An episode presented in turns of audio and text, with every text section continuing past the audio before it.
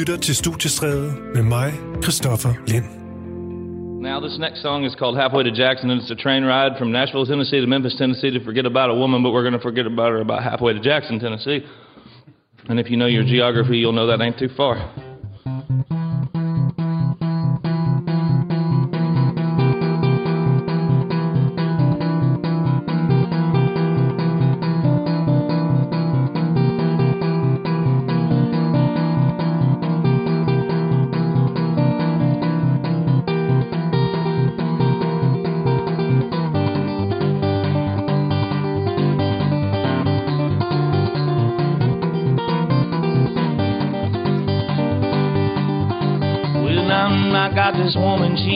Treat me right. She just stay out drinking till the morning light.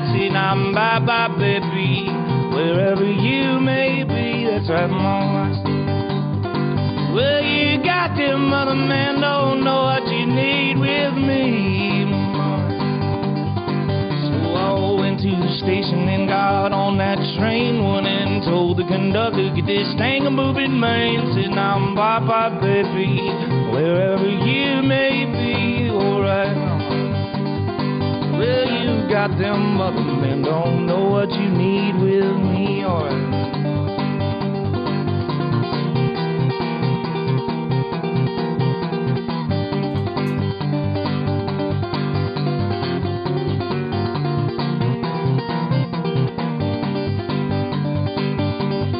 So now I'm here, go down these railroad tracks. I'm headed down to Memphis, Indiana. Ja, mand, vi, øh, vi hører her, han hedder Justin Towns Earl, og øh, han gik, øh, gik desværre bort tidligere på ugen af en formodet øh, overdosis. Han blev kun 38 år gammel, og han er måske ikke så kendt i den øh, brede øh, offentlighed, men øh, han er, synes jeg helt personligt, en øh, virkelig fed countrystjerne. Og så hedder han altså Justin, eller hed desværre, Justin Towns Earl, og øh, det er et navn, der måske også har givet ham visse problemer, fordi det er svært at leve op til. Earl, det kommer af hans far, der er Steve Earl, der er en kæmpe countrystjerne i USA.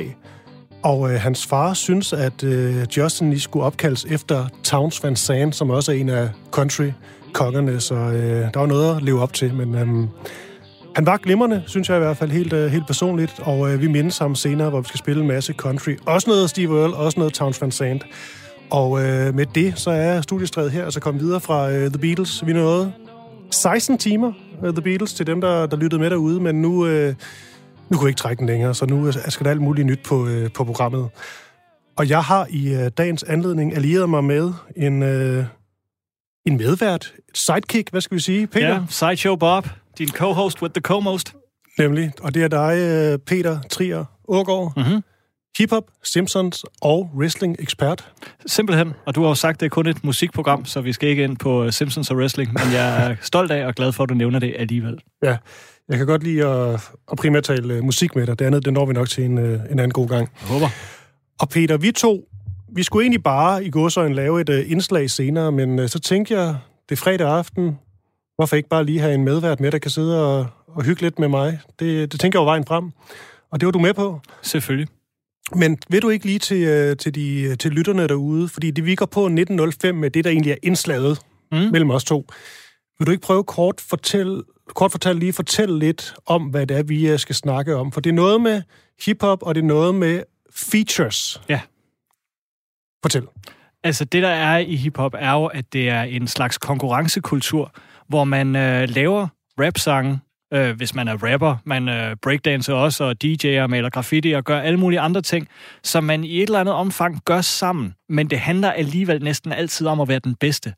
Og øh, når man inviterer en gæst med på et nummer, når man har en gæstekunstner, så er det ikke ligesom, når man tager en gæst med hjem til sig selv, øh, og de lidt skal øh, altså, se, hvordan, hvordan er reglerne hjemme ved dig, øh, så er det faktisk sådan, at næsten ligegyldigt, hvad emnet er, øh, uanset om det er black power eller seksualitet, så vil øh, hovedkunstneren på nummeret og gæsten altid forsøge at blive den bedste.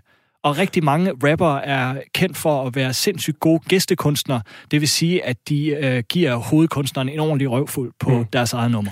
Og det er den del, jeg synes er så sjov. Fordi ideen er jo, tanken er jo, at man får en featuring på, mm-hmm. for ligesom at lave et samarbejde, gør det her nummer endnu stærkere. Og så tænker man, det er jo noget, man gør sammen og i fællesskab for, øh, for det fælles gode, det her nummer, man skriver sammen. Men der er bare så meget konkurrence i det, at man nogle gange taler om sådan, at Eminem, han slog JC ihjel på det her nummer. Ja, ja.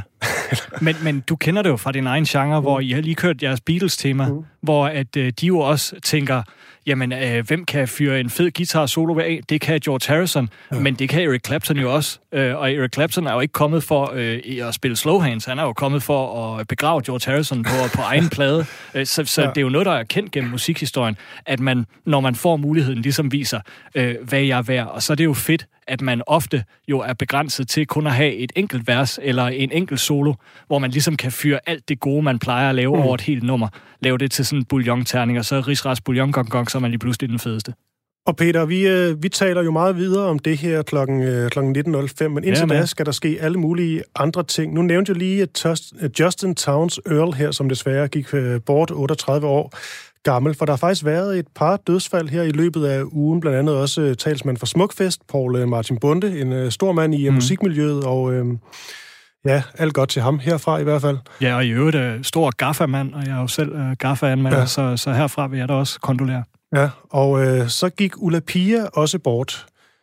Ulla Pia, hun blev 75 år gammel. Hun er i dag nok mest kendt for nummeret Flower Power Tøj, men hun var altså en, uh, en kæmpe stjerne, danstop, øh, top darling, en, øh, en dronning fra, fra Bryggen. Og øhm, jeg tænkte, at det, det er jo ved at være et par dage siden nu, men alligevel, der føler jeg, at vi, vi godt lige kan mindes Ulla Pia øh, ordentligt her i, i, i mit program.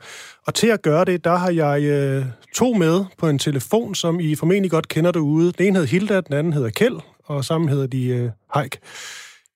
Og og de er, så vidt jeg har forstået, jo i det samme hjem, men fordi det vil være lidt, lidt rodet at tale med begge over en telefon på, på højtaler, så har jeg sådan bedt, bedt jer hver især om at gå ind i hver jeres værelse. Så først og fremmest, Kjeld Haik, hvor står du lige nu? Jeg står og kigger ud af vores øh, stuevindue. Dejligt. Og hvad med dig, Hilde? Jamen, jeg har gået ind på mit kontor. Det er jo, det, det er jo benhårdt, jeg på, på den måde har, har, har brudt jer op, men øh, ja. Det, det går nok lige uh, i et par minutter. Det er helt i orden. Det er helt i orden. Det er godt at høre. Og tak, fordi I begge to gerne vil være med her. Jamen, det vil jeg da. Tak. Altså, det, ja, fordi... fordi Ulla, ja. Ulla var en god ven af familien her, og mm. det var hun lige indtil det sidste. Ja, og, øh, og jeg, det er jo, jeg vil jo gerne mindes uh, Ulla Pia her, men, men først og fremmest, så, uh, så skal vi jo egentlig høre noget, noget musik fra, uh, fra Ulla Pia, tænker jeg.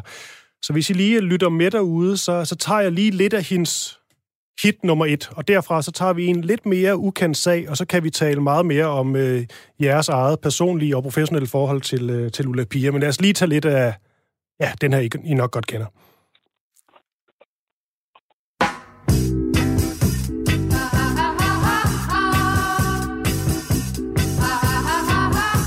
Hun kom her med jetfly Fra San Franciscos blaue powerby jeg fik ikke næsen op mod sky. Hun var i ding dong super duper sing song. Fini mini blaue power tøj Det smarte ding dong super duper sing song. Fini mini blaue power tøj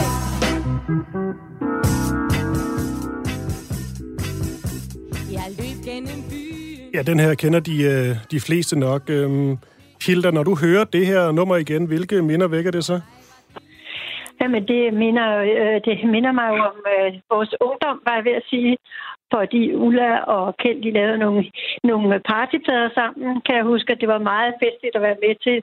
Det var længe før jeg kom med øh, ud på de skrå brædder. Men Ulla har været en fantastisk, øh, fantastisk kammerat hele vejen igennem øhm, støttet os og ringet og sagt, det var godt det der, eller det skulle du have gjort bedre. Eller, mm. Hun var sådan en pige lige ud af landevejen, der sagde nøjagtigt, hvad hun mente. Ja, vil du prøve at sætte flere ord på det som Ulla, øh, om Ulla Pia som person? Fordi jeg hørte også sådan et, øh, en øh, dokumentar om hende i sine senere år, og der hører man jo en meget passioneret, kærlig dame, men også en dame med sine meningers mod, som virkelig talte livet af posen. Bestemt. Altså, hun talte lige ud af posen. Der var ikke noget, der var øh, dækket ind under nogle floskler eller noget. Man fik sådan råt på usødet. Men samtidig var hun jo også utrolig kærlig. Altså, hvis hun havde set et eller andet, som hun synes rigtig godt om, så var hun der straks og sige, ej, det der, det var rigtig godt, og det var sådan skulle det være, og eller, øh, eller hvis hun havde læst et eller andet om, at vi var ked af det, så var hun da også med det samme på telefonen. Mm. Altså hun var virkelig øh, en, en, en god ven. Ja, og øh, Kjeld fra, ja, fra det andet rum i huset. Ja. Du har jo haft øh, ret meget at gøre med hende, også rent professionelt her i starten af hendes øh, karriere. Ja, bestemt, ja. ja vil, vil du sætte nogle flere ja. ord på, hvordan jeres, øh, jeres øh, hvad kan man sige, professionelle øh, forhold det, det startede? Altså, hun var simpelthen... Ja, det startede ved, at øh, hun bad mig skrive en, en tekst øh, til en, øh, en, en sang. Og øh, hun blev så glad for den, så det endte med, at jeg skulle skrive næsten alt, hvad hun, hvad hun lavede. Og øhm, øh, hun, hun var en dejlig pige at skrive til, fordi øh, hun, øh, hun, hun kom tilbage, hvis der var et eller andet, kom tilbage og sagde, jeg kan ikke lide det der, gider du ikke godt skrive det op? Jo, det gør jeg. Øh, har, du, har du fået, hvor vil du hen af med den? Og så fik man altid et kontant forslag. Jo, okay, jamen jeg, jeg kigger på den, så hører det fra mig om et par timer. Øh, så, så hun var en fantastisk pige at samarbejde med, og så var hun den mest loyale øh, kollega, jeg nogensinde har haft. Det må jeg sige. Hun, hun, hun, hun stod last og bræst med en på, på alle lederkanter. Jeg husker for eksempel en gang, hvor hun skulle have været i, øh, øh, et, et, i tv hos Otto Leisner, en uh, Sankt Hans aften, øh, og hun og jeg havde lavet en uh, duet på det tidspunkt, og så sagde hun, ved du hvad, det vil jeg ikke, øh, men jeg vil gerne, hvis, hvis du vil se Kjeld også, øh, og vi kan synge sammen, så vil jeg gerne komme. Og det holdt jo Søren Susted fast i, så det endte med, at øh, Ulla og jeg øh, sang sammen på øh, den her øh, tv-optagelse. Ja. Og, øh, og der kan man sige, at på det tidspunkt, der var tv jo noget helt andet, end det er i dag. Altså, der var en kanal, og kom du på den kanal, så var det altså bare lykken. Ikke? Vi er mm. tilbage i, altså i 70'erne har det været. Så, øh, så, så det, det, var, det var simpelthen bare lykke for mig. Jeg var, jeg var så glad. Og øh, siden prøvede jeg på alle mulige måder at hjælpe Ulla, når hun havde brug for det. Øh, og besøgte hende også lige til det sidste. Men, men det, det var tragisk at se hende til sidst. Det var, uha, det var smertehelvede. Ja. Hvad var det, du så ved hende sådan rent... Øh, altså, hvad var det, hun kunne, hvis det ikke bare, hvis ikke bare taler om det menneskelige? Hvis vi tager Ulla Pia som, øh, øh som sangerinde, hvad var det så, øh, ja. så du så i hende? Hun var en dygtig performer, der vidste, hvordan hun skulle øh, optræde for publikum. Altså, hun, hun, hun havde hun havde publikum i sin, i sin hulehånd. Øh, det, det, det, det kunne hun simpelthen bare. At se hende på en scene, det var, det var fantastisk. Øh, hun var god til det. Hun var og samtidig fantastisk godt. Altså altid klokkerent. Øh, så på alle måder øh, synes jeg, hun var en, en, en, en pryd for, for vores branche. Og det var hun altså også menneskeligt, vil jeg sige. Mm. Så altså, det var, det var med stor sorg, vi sagde farvel til hende her øh, i går faktisk til begravelse. Ja, og det var i går? Ja, det var det. Jeg har en, øh, en sang mere, øh, jeg lige vil spille til, til jer begge to, og øh, det er måske en meget, ja. meget smuk titel, øh, når alt kommer til alt, der bare hedder Alt er skønt lige nu. Og, Nå, øh, ja. ja, og, jeg, og der er også noget, jeg gerne vil, vil, vil høre om den sang, fordi at der var jo også noget i den her tid med, at man, udover at du jo kan eksempelvis godt kunne skrive nye sange til, til kunstnere, så var der også noget med i tiden, at man sagtens bare kunne tage, eller bare, men man kunne tage nogle store hits, og så lave fordansninger af dem, uden der ja, var nogen, der så skæv, ja. skævt til det. Altså det, det så man jo med, med, ja. med Peter Belli og ja, nærmest alle ja. dengang. Ja, det gjorde vi alle sammen. Altså, når der var et hit, øh, så, så altså, og, og der skubbede også på. Mm. Altså, det betød jo til gengæld, kan man sige mange gange, at man havde svært ved at udgive, udgive sine egne øh, sange, fordi pladeselskabet var mere ja. interesseret i en, en, der var et hit allerede, og så bare fordanske den. Ja, og det, det er der jo altså, utallige eksempler på. Jeg husker også øh, eller, ja. John Wonsons Ensomhedens Skade nummer 9, hvor jeg så fandt ud af, at det er en gammel Glenn Campbell-sang. Ja. Og så den ja. version, han lavede, det var så en, en version, Dean Martin havde lavet med, med, med det store orkester på og det hele. Men ja. jeg synes lige, vi skal høre den her. Er ja. det ikke Engelbert Humperdinck, der først stod bag den her, eller er det, er det mig, der, der gætter nu? Uh, jeg, kan, jeg kan faktisk ikke huske det. Det jeg synes, jeg, ikke huske, der det, det, det synes jeg bare huske. Men lad os, lad os lige høre den. Det, det er en rigtig fin uh, melodi i hvert fald, og så kan vi lige tale om ja, det bagefter. Det. Ja. Alt er skønt lige nu med Ulla Pia her.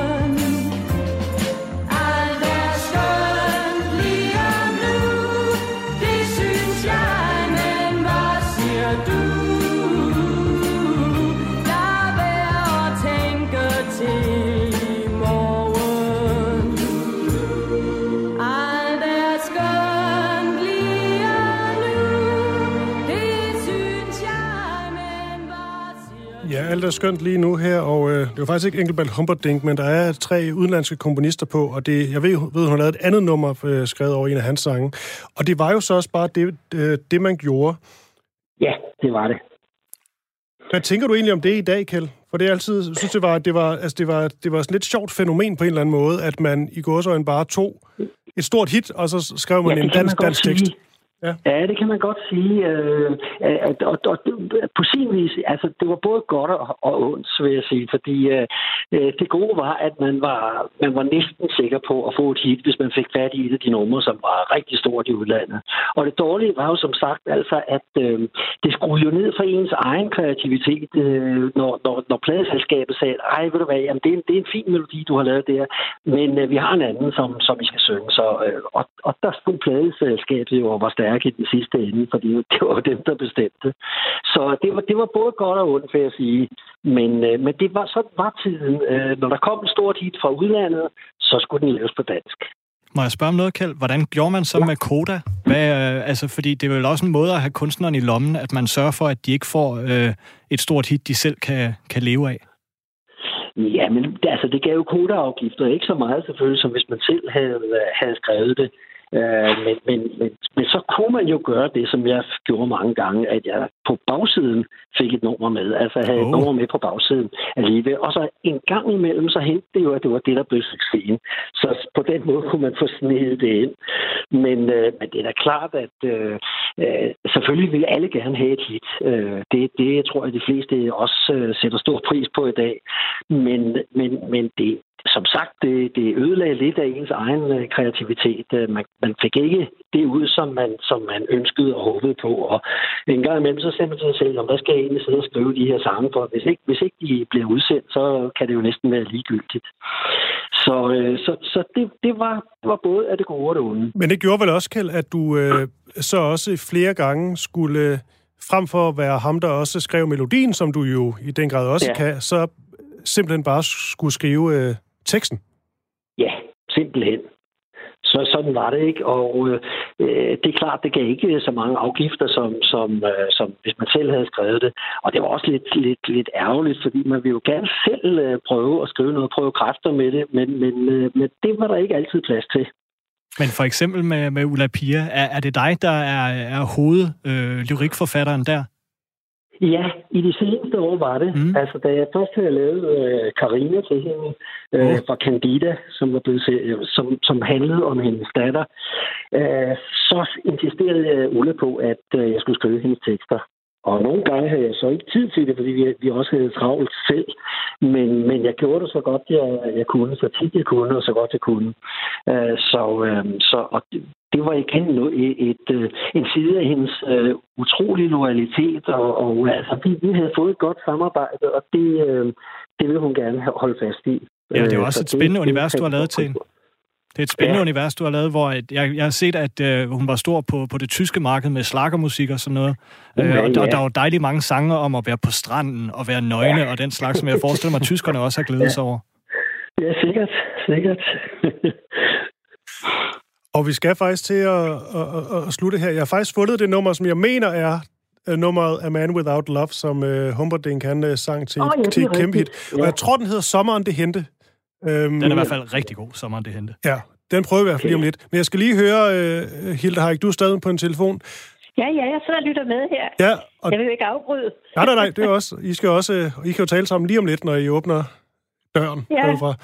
Øh, men Hilda, jeg skal, jeg skal lige høre her, her til sidst. Nu, øh, nu har det selvfølgelig handlet øh, om, om Ulla Pia, som det skulle, men jeg skal lige spørge dig om en ting. Ja. Er du klar til Vild med Dans? Uh, ja, hvor klar kan man blive? Altså, jeg ved jo stadigvæk ikke, hvem der er min dansepartner. Hvorfor sådan? Øh, men jeg ved, jeg ved, at vi starter træningen den 7. september, og så skal jeg nu for dansetimer inden den 2. oktober. Så jeg håber, jeg bliver klar til den 2. oktober. Men øh, det skal kun tiden for at vise. Nogle gange spørger jeg mig selv, om jeg er rigtig klog. Men øh, det kan jeg så svare på senere. ja, det er jo heller ikke, fordi der ikke kommer mediebevågenhed på det, ved man. Uha, nej, til stille. Jeg er engang, så ligger jeg også vågen om natten og tænker, om jeg, om jeg skal løbe min vej, eller hvad jeg skal. Men øh, samtidig synes jeg også, det kan blive sjovt. Og jeg har hørt fra andre, der har været med, de siger, det er benhårdt, men det er sjovt. Godt, og så er det Kjeld næste gang. Han, han siger, det gør han aldrig nogensinde. Nej. Altså, jeg kan jo godt sige, vi, vi, har, vi har gået til dans sammen et halvt år. Men vi blev enige om, at hvis vi skulle øh, noget som helst sammen, så skulle vi i hvert fald ikke danse sammen. Vi ville være lynende uvenner, hver gang vi havde været til dans. så nu, jeg, glæder jeg mig til at lære at danse. Perfekt. Og med det, så vil jeg gerne sige tak til jer begge to, fordi I lige er med her på Mindes uh, Ulla Pia, Kjell og Hilda Haik. Ja, det var en fornøjelse. Tak. I lige måde, tak. Hej. Tak i lige måde. Hej. Hej.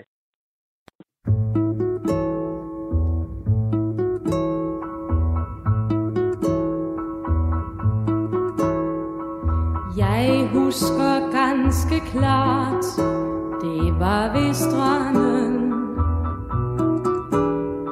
Sommeren, solen, havet, vi traf hinanden. Luften var dejlig om kinden. Langs med en sandvis strand, der lagde vinden. Alting det var så skønt, som man kunne ønske.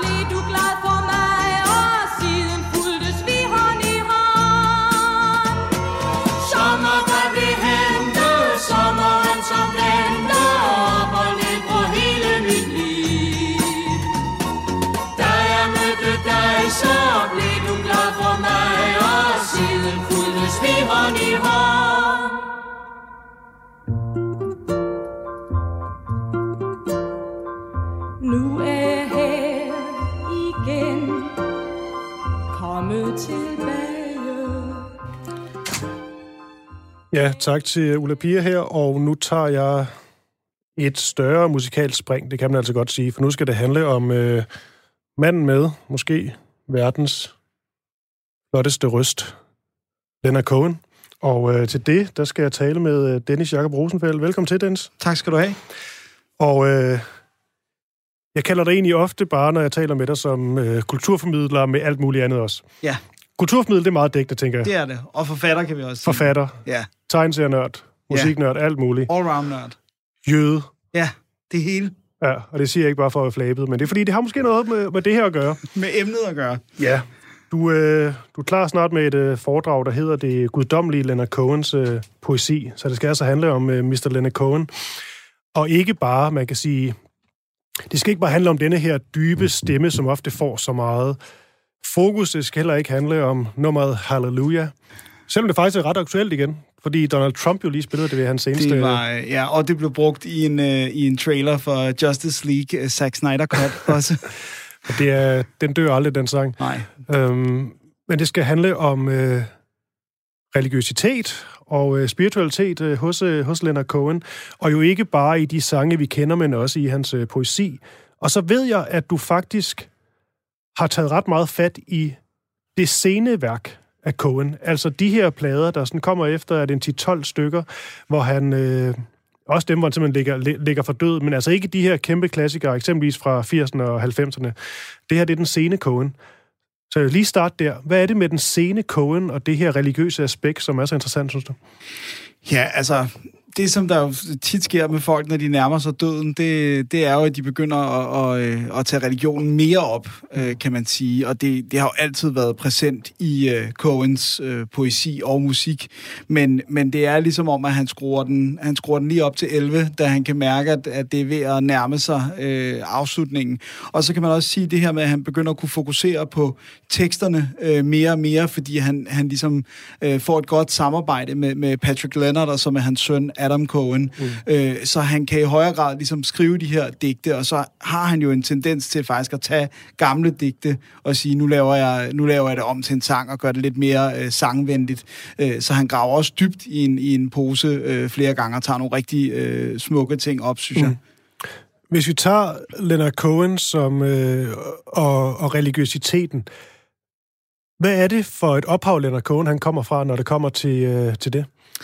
Jamen, det er, det er jo ligesom, øh, jeg skal prøve at gøre det kort, det er jo kæmpestort, men han er ligesom ud af en, en familie øh, med en masse lærte. Øh, han har en oldefar, der er rabiner, han har en bedstefar, der er rabiner, øh, og hans familie er ligesom står for den synagoge i Montreal, der har den største øh, menighed.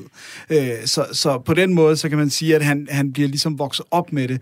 Og så er han jo en, det, der hedder en kohen, eller en kohanit, det vil sige, han er, øh, i hvert fald, hvis man ligesom skal, skal tro på det, så er han direkte slægt af, øh, fra Bibelens Aaron, altså Moses bror. Øh, og det er også det at være en kohen, det er ikke noget, du kan øh, blive, det er ikke noget, du kan få, det er ikke noget, du kan opnå, det er noget, du er født til. Så det er jo også en form for aristokrati, mm. hvis jeg kunne sige det. Ja. Øh, så, så det er ligesom, øh, han, får, han, han får messianske tanker øh, ind med, med modermælken, så at sige. Så det her efternavn, det forpligter på sin vis?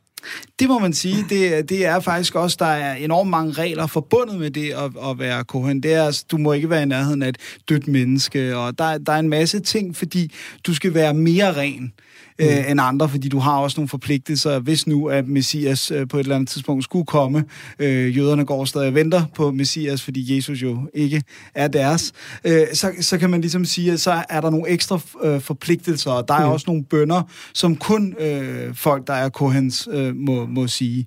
Men hvordan flugter det her med forpligtelser og renhed med Leonard Cohen, som levede et liv blandt utallige kvinder og kunne aldrig holde et forhold, fordi der altid lige var en kvinde mere i, øh, i hans liv, og med druk og med stoffer og alt det her. Altså, det virker ikke for mig som den der klassiske religiøse renhed. Nej, det, det, det tror jeg heller ikke, der er nogen, der vil påstå, det er. Det kan man sige, det er jo også øh, paradokset øh, ved Cohen. Det er jo, at han, at han hele tiden stiller sig selv de her øh, altså, krav, og også i sine tekster, ligesom stiller sig selv meget stort op, men samtidig så bliver han jo ved med at fejle. Men han holder jo heller ikke slagene tilbage, når det gælder sig selv. Han har jo et meget kritisk syn på sig selv, og der er jo også en grund til, at han, han i stigende grad ligesom besøger det her øh, kloster Mount Baldy, og på et tidspunkt ligesom er væk i seks år, øh, selvom han lige tager ned en gang imellem, hvis det bliver for meget og for kedeligt. Øh, så havde han jo en deal med, at han godt måtte tage ned. Det måtte de andre jo ligesom ikke. Hvis du havde forpligtet dig, så var du der, og så hvis mm. du tog væk, så var du ude. Men han fik jo ligesom det var Leonard Cohen, så han fik ligesom lov til. Så, så, så på den måde er det jo den klassiske, i en eller anden grad, hyggeleri, at, at, at man, man stiller sig selv op, men samtidig ja. svigter, ikke? det er sådan et skridt fra muren i Game of Thrones, at alle bliver sendt derop, og man skal være der til evig tid, undtagen de alle sammen kommer tilbage derfra.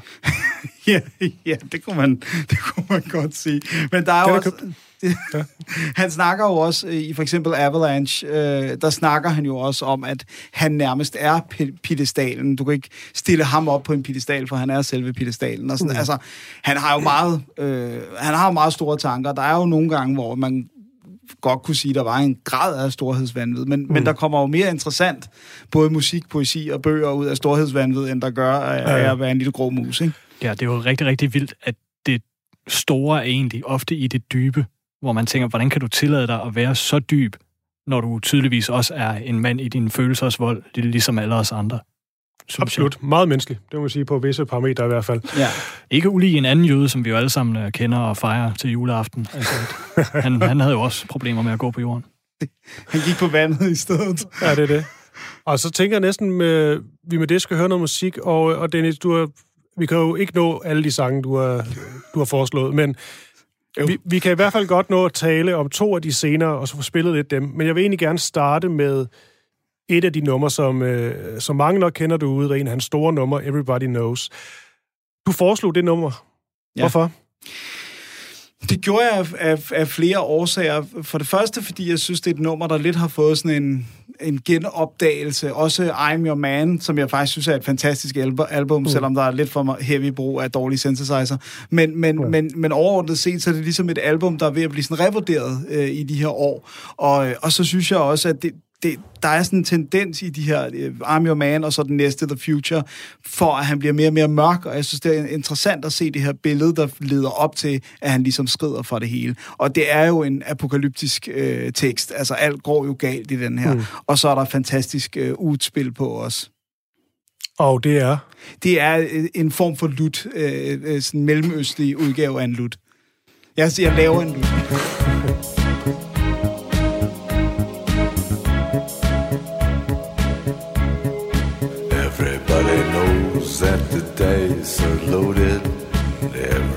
Everybody rolls with their fingers crossed. Everybody knows the war is over. Everybody knows the good guys lost. Everybody knows the fight was fixed. The poor stay poor, the rich get rich. That's how it goes. Everybody knows. Everybody knows that the boat is leaking. Everybody knows the captain lied. Everybody got this broken feeling like their father or their dog just died. Everybody talking to their pockets. Everybody wants a box of chocolates and a long stem rose. Everybody knows. Everybody knows that you love me, baby. Everybody knows that you really do. Everybody knows that you've been faithful. give or take a night or two. Everybody knows you've been discreet, there were so many people you just had to meet without your clothes. And everybody knows. Everybody knows. Everybody knows. That's how it everybody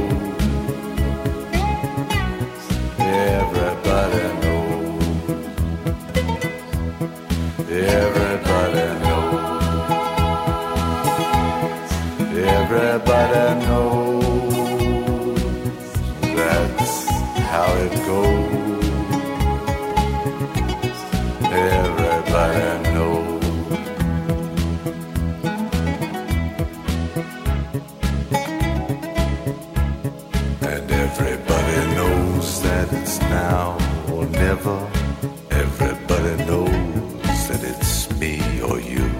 And everybody knows that you live forever. Oh, when you're done a line or two. Everybody knows the deal is rotten. Old Black Joe still picking cotton.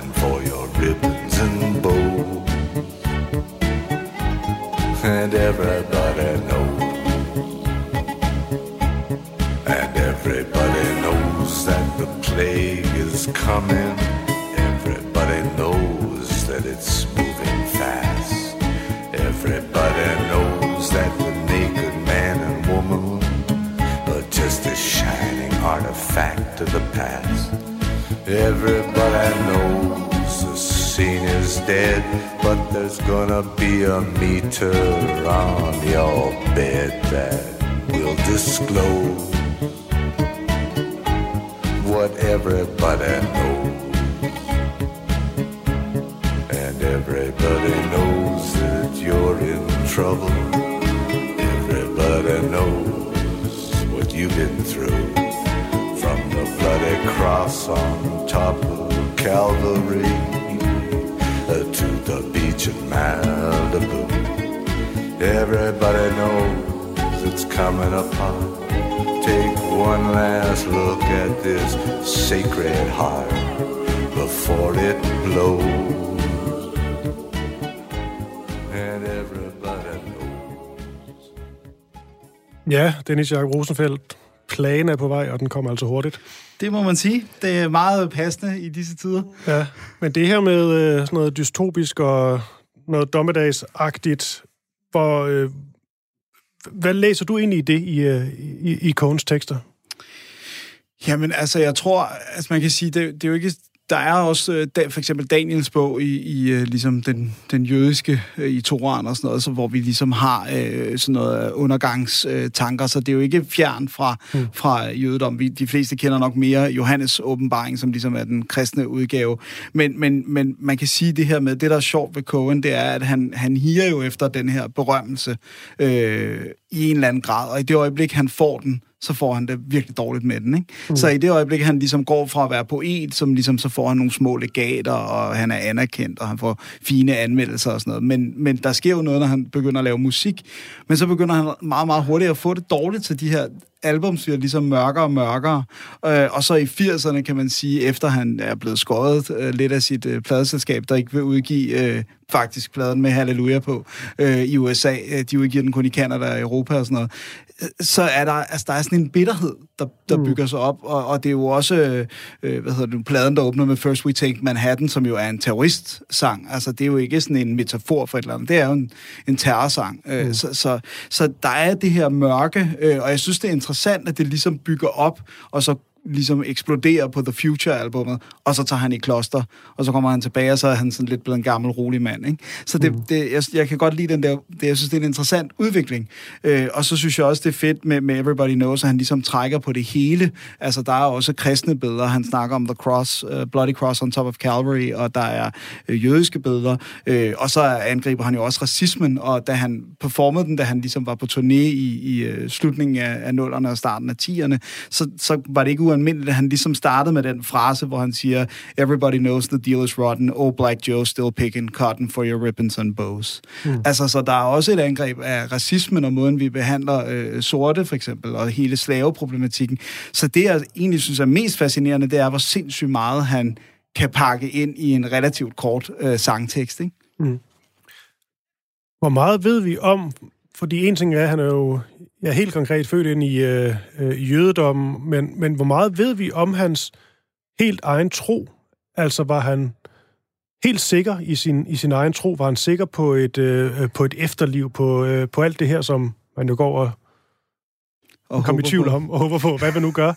altså, jeg kan, vil jo ikke 100% øh, stille mig sådan at sige, at jeg ved, hvad, hvad, hvor han stod, men altså, det, jeg tror også, grunden til, at han er så rolig, er, at der er jo ikke, traditionelt set, er der jo ikke et efterliv for jøder. Ja. Himlen øh, er et koncept, der kommer senere, øh, og der er ingen tvivl om, at jødedom er vigtig for ham. Han bliver vred, når han bliver konfronteret med, hvordan kan du dyrke buddhismen, og samtidig være jøde. Og, eller øh, han bliver også spurgt øh, på et tidspunkt, der, der er jo ligesom den her frase, som ikke rigtig fungerer på dansk, men der er en, der spørger ham, are you a practicing Jew?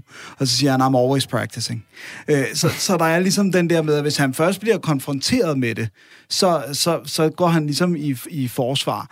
Og øh, der er jo også på det her tidspunkt, da Yom Kippur-krigen øh, bryder ud i 70'erne, øh, så tager han direkte for Hydra, hvor han har sin lille søn på det her tidspunkt, Adam Cohen, og, og kæresten Susanne, og så tager han øh, direkte med fly til Israel og siger, I'm going to stop uh, Egypt's bullets. Altså, så det, det altså, udover det selvfølgelig er en ret grandiøs øh, mm. udtalelse, at sige, at man har tænkt sig at tage afsted for at stoppe øh, kugler, så, så udbygger han den ligesom med, at øh, jeg har aldrig lagt skjul på, at jeg er jøde, og hvis jøder er i fare noget sted, så vil jeg gøre mit for at, at beskytte dem. Mm. Så, så han har en helt øh, tydelig og stærk forbindelse, og man kan også sige, at øh, da han på et tidspunkt spiller øh, en koncert i, i Israel, øh, så dedikerer han den ligesom til, til sådan en gruppe, der, der prøver at forsone palæstinenserne og, og israelerne, og så slutter han af med øh, det, der hedder på dansk hedder præstesigningen, som er en bøn kun Kohens må sige, øh, og hvor du laver det her, som de fleste kender som øh, Volkan øh, ja, tegnet. Live long and prosper, ja, laver du. præcis. Du, du kombinerer det, det er fordi, det er i virkeligheden det bogstav, der hedder Chen på hebraisk. Det ligner et, et W, men det er et Chen. Øh, og det laver man ligesom. Øh, og, og, og det kan du se, det ligger på YouTube, og han står og siger den her bøn på hebraisk, og så publikum går amok og råber armen, og øh, det går helt, øh, helt op i en fistel. Men, men, men det gør du ikke, hvis du synes, det er for sjov. Nej.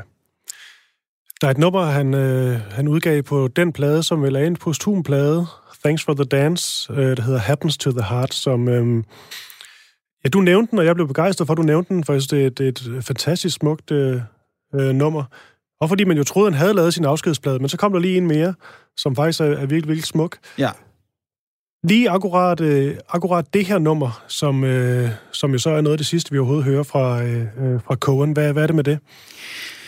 Jeg synes jo igen, det her det, det er et perfekt eksempel på, der har han slet ikke umiddelbart haft noget med melodien at gøre. Han er i hvert fald ikke krediteret på nogen måde. Og, og, og, øh, og så har, er der jo et sindssygt hold af musikere på det her. Og det er blandt andet Daniel Lanois, der spiller øh, klaver på det her nummer. Og det er så en, en, en spansk øh, guitarist, der hedder Javier Mars, der spiller den her øh, spanske laud, som faktisk ja. igen er et lut-instrument. Ja. Og Daniel Lanois, han har produceret for YouTube, for Bob Dylan, for Neil Young, alle sammen. Ja, og, og ja. lavet fremragende plader selv også. Ja. Øh, og man kan sige, det, jeg synes, det, det er fedt, at der er den her, øh, der er hele tiden den her lyd, som, som på en eller anden måde er umiskendelig i kogen, og det er jo også ligesom på Everybody Knows, hvor uden den lyder jo på en eller anden måde også lidt græsk, så man bliver, ens tanker bliver lidt hen på Hydra og hans mm. tid der. Så ja, det, det er så fantastisk, den der måde, du kan lave et lydbillede, og så selvom det engang er Cohen selv, der har komponeret øh, musikken, så er du ikke i tvivl om, at det er et Cohen-nummer.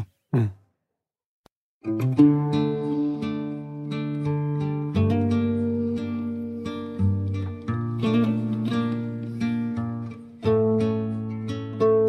I was always working steady, but I never called it art. I got my shit together, meeting Christ and reading Marx. It failed my little fire, but it spread the dying spark. Go tell the young Messiah what happens to the heart.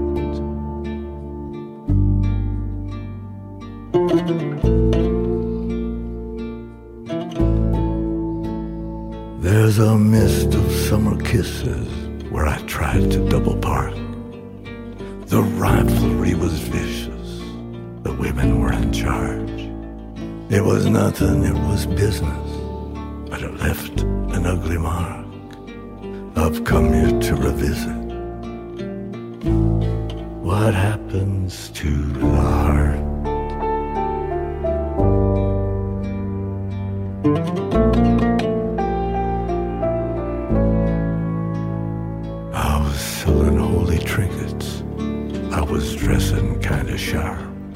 Had a pussy in the kitchen and a panther in the yard. In the prison of the gifted, I was friendly with the guards, so I never had to witness what happens to the heart.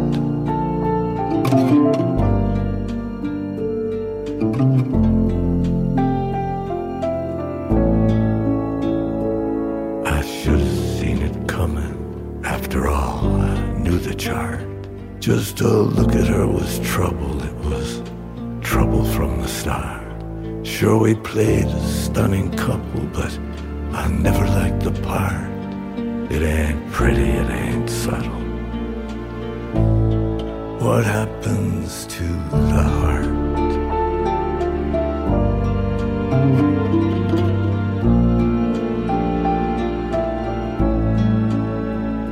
Now the angel's got a fiddle, devil's got a harp.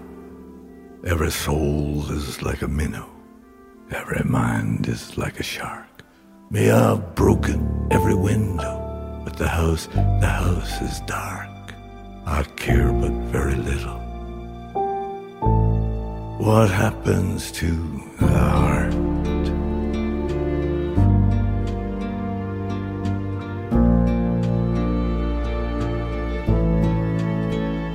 Then I studied with this beggar. He was filthy, he was scarred by the claws of many women he had failed to disregard.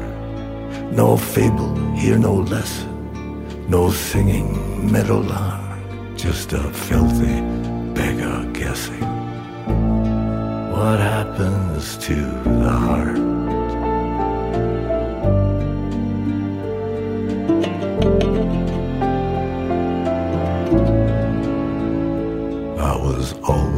Working steady, but I never called it art. It was just some old convention, like the horse before the cart. I had no trouble betting on the flood against the ark. You see, I knew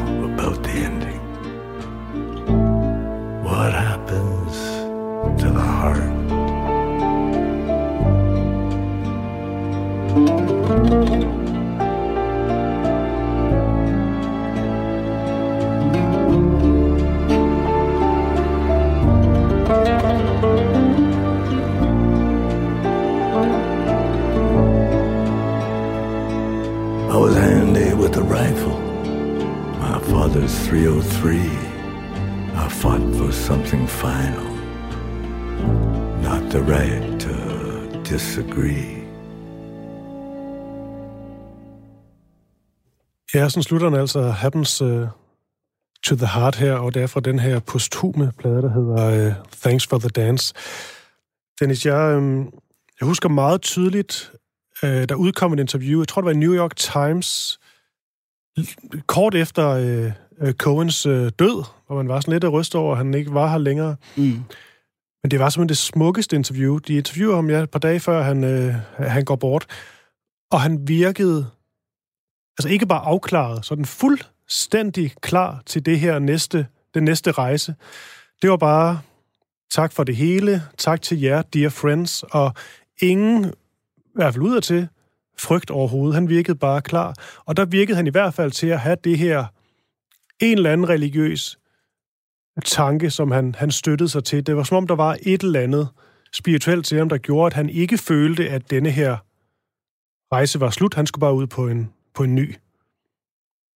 Ja, men jeg, altså, jeg tror simpelthen, at, at det, man, man så i de her sidste år, det var også, at, han, at der ligesom var der var payoff på, at han havde været så søgende igennem hele sit liv, fordi at det, man jo også ser i det her med hele tiden at forlade alle de her kvinder og ikke kunne stå stille noget sted, det siger han jo også selv, jeg kunne ikke finde ro, det er jo, at man om noget er præget af søgen, øh, og det er jo både på sådan et øh, jordligt plan, men også på et mere spirituelt plan, og han har jo snuset til alt, om det så er forskellige religioner, øh, om det så er stoffer, så, så har han jo ligesom læst på det. Han har, han har jo også, han bruger en masse kristne billeder, også selvom han ligesom ikke selv bekender sig til kristendommen, så, så kan han godt se det stærke i, i de her øh, billeder. Øh, så, så jeg tror, det, det er ligesom, at hvis du har læst så meget, og du har gjort så meget, så, så kommer der et, et punkt, hvor du bare bliver rolig. Mm. Det, det tror jeg, det vi så. Og lige før vi lige øh, afslutter med en, øh, en sidste sang, der kan spille op til nyhederne, så skal jeg lige høre, Dennis, der er en anekdote, jeg gerne lige vil have, og det er, fordi jeg elsker, når de her kæmpe superstjerner, de kommer lidt op og toppes. Det er noget med, at øh, da Bob Dylan han øh, beslutter sig for at blive øh, kristen, udgiver så den tre pladsen, øh, kristne plader i, øh, i træk i, øh, i 80'erne, så synes Leonard Cohen ikke, det er særlig fedt. Nej, det, det, han går faktisk nærmest i panik. Øh, der er ligesom, det er, jo, det er jo nogle andre mennesker, der har været til stede. Han har jo ikke vil udtale sig offentligt negativt om Bob Dylan, men som ligesom er vidne til, at han nærmest går sådan i, lidt i panik og går og ryster på hovedet og siger, jeg forstår ikke, hvorfor nu, og hvad er det, han vil med det der Jesus noget, og, og, og så sent i livet, og hvad skal han bruge det til? Og han bliver ved med at sige sådan, sådan noget med why Jesus, og altså, han, han forstår det simpelthen ikke, og, og jeg tror også oplever det som et svigt. Og de havde jo den her sådan, et, en eller anden form for venskab, og havde også de her snakke. Der er en masse fantastiske anekdoter, man kan finde om mm. dem, og, og Bob Dylan synger jo også kor på, på den her redsomme Phil Spector-producerede plade, Death of a Ladies Man, øh, fordi han lige pludselig var i studiet med to damer og en masse alkohol. Så, så de er ligesom på en eller anden måde, er de på den her rejse, men, men, men Cohen, han, han kunne godt lide at snuse til ting, men han ville jo ikke vakle fra det, der var hans udgangspunkt. Og jeg tror, han opfatter det som, at Bob Dylan vakler. Mm. Og Dennis Jakob Rosenfeldt, det var, det var en fornøjelse, og det var jo, man kan jo sige, en lille forsmag på det, man ellers kan, øh, kan høre i, øh, i dit foredrag. Her til sidst, hvis man så rent faktisk øh, gerne vil høre det og se det, hvad, hvad gør man så? Jamen, så går man bare ind på, øh, på øh, Poesiens Hus øh, hjemmeside, eller på Billetto, og ligesom søger efter det her, øh, det guddommelige i Leonard Cohens øh, poesi, og så er der billetter. Det er altså på torsdag i næste uge, øh, klokken 8 om aftenen. Og hvor er det her, alt det der? Det er i, øh, i øh, Møllegade i Litteraturhavs-bygningen. Øh, og er der mulighed for, at det kommer ud, ud i landet, det her, så det er ikke kun i folk i København, der kan se det? Altså, om jeg tager det på, på on the road? Det synes jeg da. Det, øh, hvis der er nogen, der, der, der hiver fat i mig, så er jeg absolut klar til at tage det ud. Jeg synes, der er virkelig meget gods øh, i at, at grave ned i hans poesi. Fedt. Jeg kan anbefale at tage den slags on the road. Øh, jyderne er særlig modtagelige. Fedt. Perfekt. Og så den givet videre. Tak for det, Dennis. Selv tak. Og øh, vi skal egentlig også lige slutte med en sang. Jeg tænker faktisk, det, det ender med, med et lidt overraskende valg. Den passer også meget godt til. Den hedder Moving On fra den samme sidste plade. Det kommer her.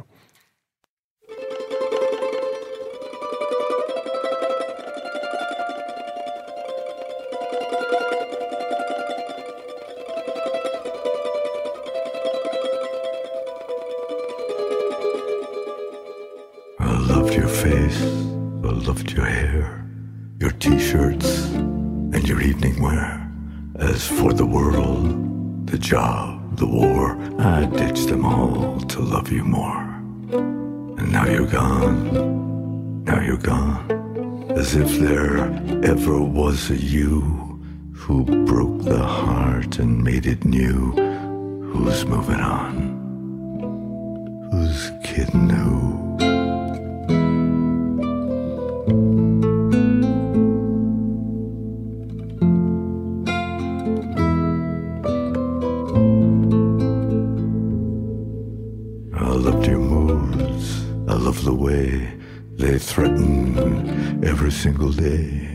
Your beauty ruled me, though I knew 'twas more hormonal than the view.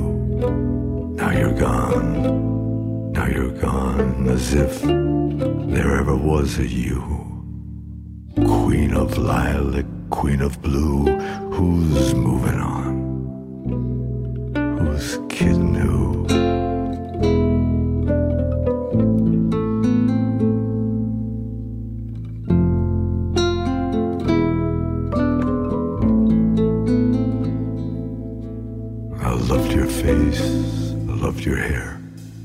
t-shirts, and your evening wear. As for the world, the job, the war, I'd ditch them all to love you more. And now you're gone, now you're gone, as if there ever was a you who held me dying, pulled me through. Who's moving on? Who's kidding who?